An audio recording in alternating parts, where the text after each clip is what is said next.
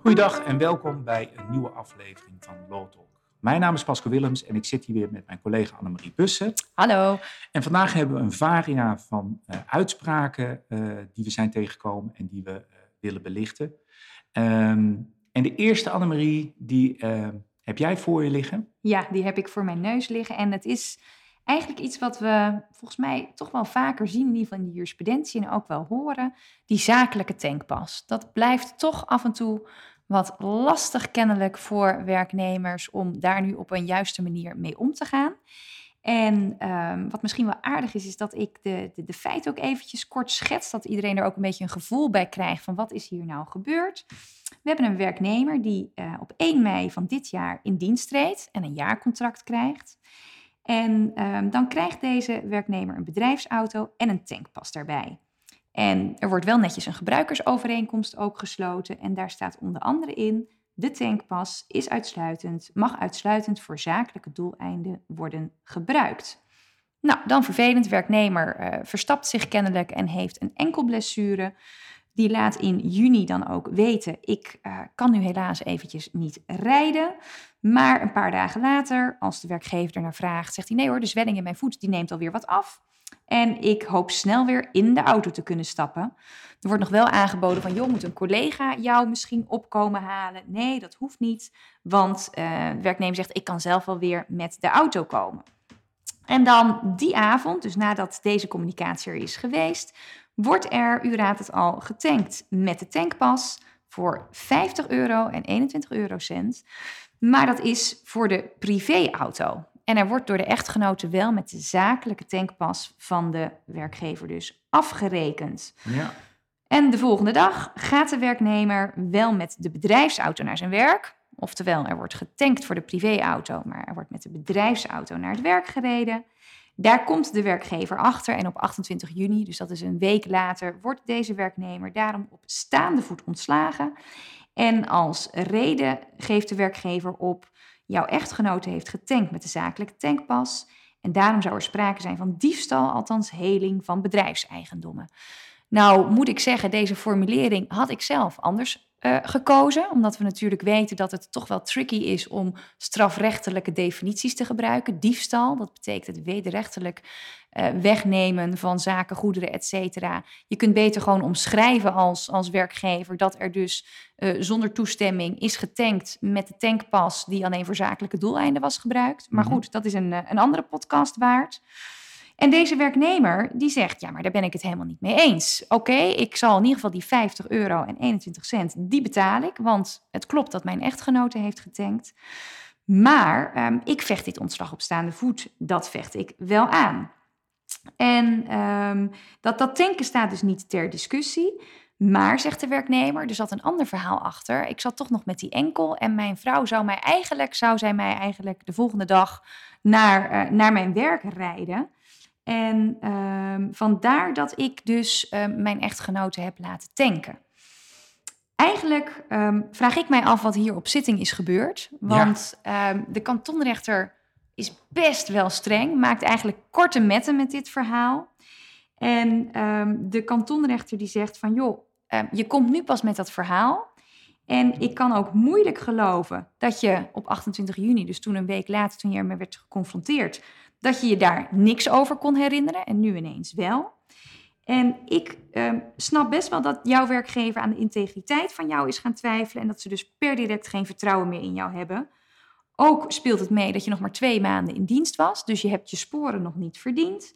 En het feit dat jij die tankbeurt inmiddels wel hebt terugbetaald, ja, dat leidt niet tot een ander oordeel.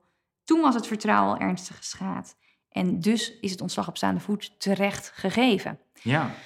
Ja, um, ik zie dat dan zo voor me, zo'n zittingszaal. Waar misschien een meneer zit die elke keer wat anders verzint.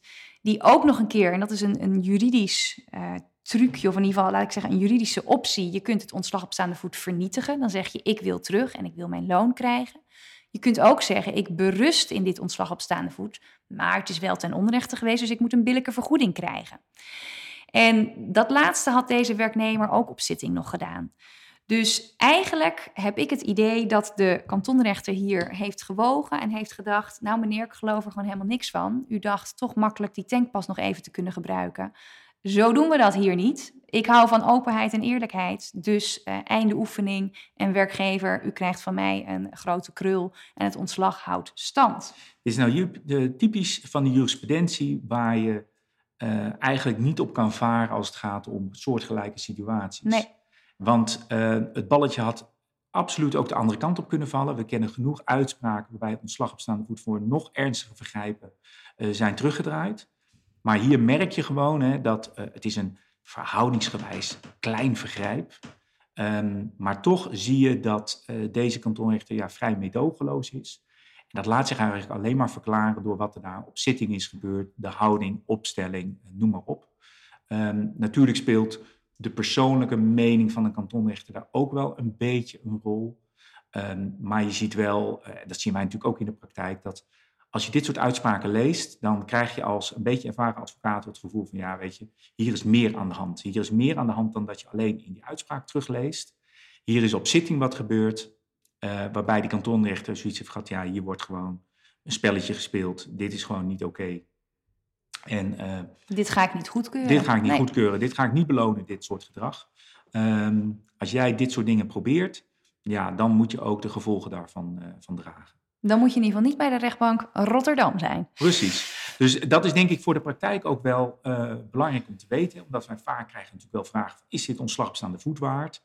Uh, nou ja, wij zijn natuurlijk vaak ook daar reëel in, omdat je ook in dit soort situaties genoeg uitspraken ziet waarbij het ontslag op staande voet absoluut onderuit gaat. Uh, maar het maakt ook uit hoe het op zo'n zitting gaat. En dat ja. lees je in die uitspraken niet terug. We hebben ze allebei denk ik ook uh, de situatie meegemaakt dat je door je eigen cliënt compleet wordt verrast op een zitting en een gewonnen zaak als uh, donderslag sneeuw bij voor de zon sneeuw ziet voor de zon, verdwijnen. ja. Sneeuw voor de zon ziet verdwijnen. Of uh, andersom. andersom. En dat was ooit mijn allereerste zitting die ik deed. Um, een kleine anekdote, maar daar stond ik een, uh, een dame bij. Is al verjaard, hè, denk ik. Dit is zeker verjaard, ja. Zo oud ben ik. Ja. Uh, maar daar stond ik een dame bij die nou ja, ontslagen werd. En die zei van ja, maar dit ontslag heeft echt te maken doordat ik de avances van de directeur heb afgeslagen. Het heeft niks met mijn functioneren te maken. En op de zitting de directeur in huilen uitbarstte en zijn liefde alsnog verklaarde. En zei, ik had je dat niet moeten doen. En uh, sorry, sorry, sorry. Ik zag daar een, vrij kansloze zaak, want er lag wel het een en ander vast daar in één keer gewonnen worden. maar de collega-advocaat aan de andere kant, die zag ik langzamerhand in zijn dossier wegkruipen. Um, en, en had zoiets van, oké, nou nu moeten we een damage control doen. Dat soort dingen gebeuren natuurlijk ook. Dus uitspraken zijn super interessant, um, maar vertellen niet altijd het hele verhaal. Nee, en zeker dus bij een ontslag op staande voet echt alle belangen moeten worden gewogen. En het kan best zijn dat er een kantonrechter in Rotterdam vindt, dit kan niet, maar dat er een kantonrechter ergens anders zegt, als ik alle belangen weeg, als ik alles bekijk, dan vind ik dat het uh, ontslag geen stand houdt. Um, maar goed, wel uh, in die zin wel weer een, een, een, leuke uitspraak om met jullie te delen. Precies, en dezelfde categorie van uh, hij, hij, hij denkt een beetje dom, hè? of hoe zijn Maxima dat ook Je was een beetje dom. Hij was een beetje dom. Annemarie is uh, onze uh, royalty-kenner oh. op en top. Simpelweg omdat ze in de Maxima straat woont. Um, maar een, een andere uitspraak die uh, wel heel erg interessant is, ging over heel iets anders. Namelijk het terugvorderen van het, door het UWV van een via-uitkering. en waarom? Omdat iemand via Marktplaats structureel uh, uh, dingen had verkocht. Dan zou ja, ik, denken... ik, ik, ik, moet zeggen, ik vond dat echt wel. Um, jij, jij wees uh, ons op die uitspraak. Ik vond dat echt wel een, een uitspraak waar ik nog even op heb zitten kouwen. Van nou, wat, wat vind ik daar nou eigenlijk van? Want ja. wat was daar precies aan de hand, Pascal? Nou, kijk, we kennen natuurlijk van de bijstand dat je daar eigenlijk niks mag bijverdienen. Hè. Daar wordt nu ook naar gekeken, omdat we hebben vorig jaar of het jaar ervoor de uitspraak gehad waarbij iemand de boodschappen die volgens mij van de moeder van kregen. Ja. Kreeg en, uh, en op, daar, op basis daarvan de bijstandsgeloof moest terugbetalen. Ja. Um, en dat uh, wordt wel aangepast. Maar waar het hier ging het helemaal niet om bijstand, hier ging het om via. En het ging om een, uh, om een dame. En die had al geruime tijd, vanaf 2014, eh, een uh, WGA-uitkering, 80, 100. En volgens mij is daar ook dus het, het, het grote verschil bij uh, een WIA-uitkering. Ken je geen vermogenstoets of iets dergelijks. Precies. En dat is natuurlijk bij de bijstand geen, anders. Juist, daar kun je geen vermogenstoets. Ze had vanaf 2014, oktober 2014, een WGA 80-100 uitkering. En op een gegeven moment, op 23 oktober, zegt uitspraak 2018, ontvangt het UWV een melding dat deze dame uh, naast haar uitkering inkomsten ontvangt uit de verkoop van kleding op Marktplaats en Facebook. Uh, nou, er heeft dus iemand geklikt. Uh, en kennelijk dusdanig dat het UWV op onderzoek uitgegaan is. En die is daarna gaan kijken. Die heeft een rapport opgesteld, 22 juli 2020, dus hebben ruimschoots tijd genomen. En uit dat onderzoek bleek dat deze dame ehm, op structurele basis uh, kleding en uh, inboedel uh, verkocht op Marktplaats. daar ging, het om grote kledingmaten en om eigen kleding. Dus ik weet niet of de grote kleding ook haar eigen kleding was. en inboedel. Over een langere periode. Het UWV heeft daar onderzoek naar gedaan. Heeft bankafschriften gekregen 2016, 17 en 18.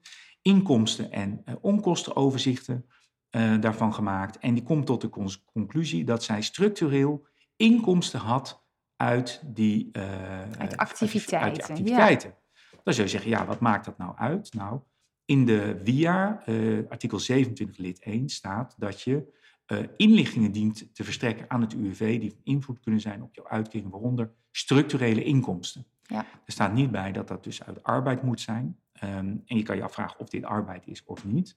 En zij heeft het UWV daar niet van op de hoogte gesteld. Dus UWV heeft de beslissing genomen om de uitkering over 2016 tot en met 2018 terug te vorderen. En dan gaat het om ruim 20.000 euro.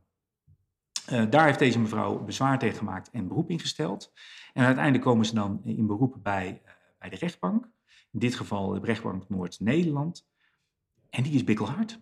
Ja. Want die zegt gewoon van ja, um, uit alle informatie blijkt gewoon dat jij structureel uh, nou ja, die, die verkoop had. En uh, ja, dat, uh, dat, dat kan dus niet. Hè. Dat had je moeten melden. En ik zit even te kijken. Uh, de, de, rechtbank heeft daar een hele mooie zinsnede daarover opgenomen. waarin ze zelfs niet die nuance maakt over het structureel verkopen daarvan. En dat vond ik wel ja. behoorlijk, want dat, dat gaat bijna richting zeg maar de, de toets die ook in de bijstand plaatsvindt. Um, en er staat, gelet op de aard en de omvang van de activiteiten op Marktplaats, gaat het om structurele verkoop van grote matenkleding en privégoederen. Nou ja, en dan zegt de rechtbank, uh, anders dan ISRS stelt, is het via Marktplaats structureel verkopen van eigen kleding te zien als op geld waardeerbare werkzaamheden. En die zin vind ik wel heel nou interessant. Ja, met name ook, zeg maar, wat je zegt, eigen kleding. Ja. Kijk, um, Um, als jij inderdaad um, een via-uitkering krijgt, kan het best wel zijn dat jij een, teruggang in de inkomen maakt. Als jij een goed gevulde kledingkast hebt, wat best wel kan voorkomen, waarvan je dan zegt, ja, ik ga dat dan toch maar, ik kom elke week kom ik iets tekort. Dus ik ga elke week of elke maand ga ik mijn eigen kleding of mijn mooie tassen die ik verzameld heb in de jaren toen nou, ik nog wel. eigen. Nee hoor, zeker niet. mijn mooie dure tassen die ik uh, de afgelopen jaren heb, uh, heb verzameld, heb gekocht. Ja, ik moet nu, hè, ik, ik heb liever een boterham te eten dan een leren hengsel. Dus ik ga nu dat soort zaken verkopen. Ja, ik, ik vind het dat, dat eigen kleding. Kijk, als zij inderdaad uh, grote matenkleding, terwijl ze misschien zelf een andere maat Eigen heeft, dan is het een handeltje. Ja. Maar de nadruk ligt hier, vind ik, bij Ja. de rechtbank gewoon wel, ook al is het van jouzelf. Precies, hè? en dat, daarom vond ik die zin zo interessant, want daarvoor wordt gezegd, hè, grote matenkleding inboedel, hè, structureel, dan kan je denken, nou, dat is een handel. Ja, Als de rechtbank dan zegt, is het via Marktplaats structureel verkopen van eigen kleding, niet eens de inboedel, te zien als een op geld, waar, geld waardeerbare werkzaamheden, eh, ja, dan, dan denk ik hè, dat als je die zin legt over de via-uitkeringen van heel veel andere mensen die Ja. op Marktplaats actief zijn, nou dan hebben wens we ik ze succes. Ik wil net zeggen. Dus de vraag is of altijd nou zo heet, de soep zo heet gegeten wordt. Daar betwijfel ik over. Ik denk dat hier wel heel veel aan de hand was, dat deze mevrouw wel echt structureel bezig was. Maar tegelijkertijd laat het ook zien dat het op Marktplaats of Facebook eh, verkopen van eigen spulletjes, als dat een structureel karakter is, hè, als je daar eigenlijk je, Ja. je hobby van maakt, zou je bijna kunnen zeggen, en er zijn er genoeg die dat doen, dan, ehm, dan kan dat dus je uitkering eh, kosten. En wat het extra triest maakt in deze situatie, want onder andere heeft de advocaat van deze mevrouw aangevoerd van ja, het is wel heel hard wat jullie doen, want jullie gaan ruim 20.000 euro van deze mevrouw terugvorderen over twee jaar. Ehm, en jij zegt van ja, is het nou, uh, moet deze mevrouw in de levensonderhoud hiervan voorzien? Ehm, en hier wordt wel melding gemaakt dat zij die dingen verkocht om daarvoor drugs te kunnen kopen. Ja. En dan zie je dus eigenlijk waar je mee te maken hebt, is een, een drugsverslaafde die ja, heling doet, althans zijn eigen spullen verkoopt. En misschien zit dat er ook wel achter. We hebben het net gehad over. Weten ja, we weten niet wat er, wat er nog meer uh, achter de deur gebeurt. Maar je ziet wel uh, dat hier, uh, ja, er zit hier heel veel drama achter de voordeur. Um, overigens heeft het UWV ook nog gekeken wat de inkoop- en portokosten zijn. Die zijn nog eens een keer in mindering gebracht op de verkoopwaarde. dus er is wel behoorlijke onderzoek ingestoken.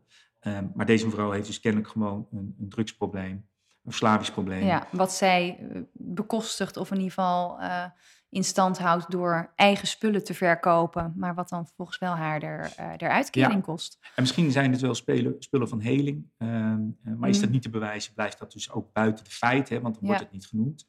Feit is wel dat je hier ziet dat, ja, de vraag is, red je, help je deze mevrouw hierbij? Misschien onderaan de streep kan je zeggen, nou, dit is dan in die situatie rechtvaardig vanuit BIA-perspectief, omdat ze in, wel structureel inkomsten genereerden. Uh, maar uh, het is wel een hele trieste. Het is een hele trieste en zeker, en daar begonnen wij ook mee. Als we zien dat nu hoe bij de bijstand met zo'n vermogenstoets, waarvan wordt gezegd, jongens, dat is te strak. Daar moeten we, daar moeten we naar kijken uh, met elkaar. Dat dan nu via deze route bij een via-uitkering uh, deze uitkomst, uh, deze uitkomst zo, zo ligt. Ja, dat is wel, wel triest. Um, deze twee uitspraken wilden we voor deze keer uh, voor jullie bespreken. Uh, nogmaals weer bedankt voor het luisteren, voor onze trouwe luisteraars. Als jullie ideeën hebben voor uitspraken, onderwerpen voor deze podcast, schroom niet om die met ons te delen, want dat vinden we hartstikke leuk. En anders graag tot de volgende keer. Tot de volgende keer.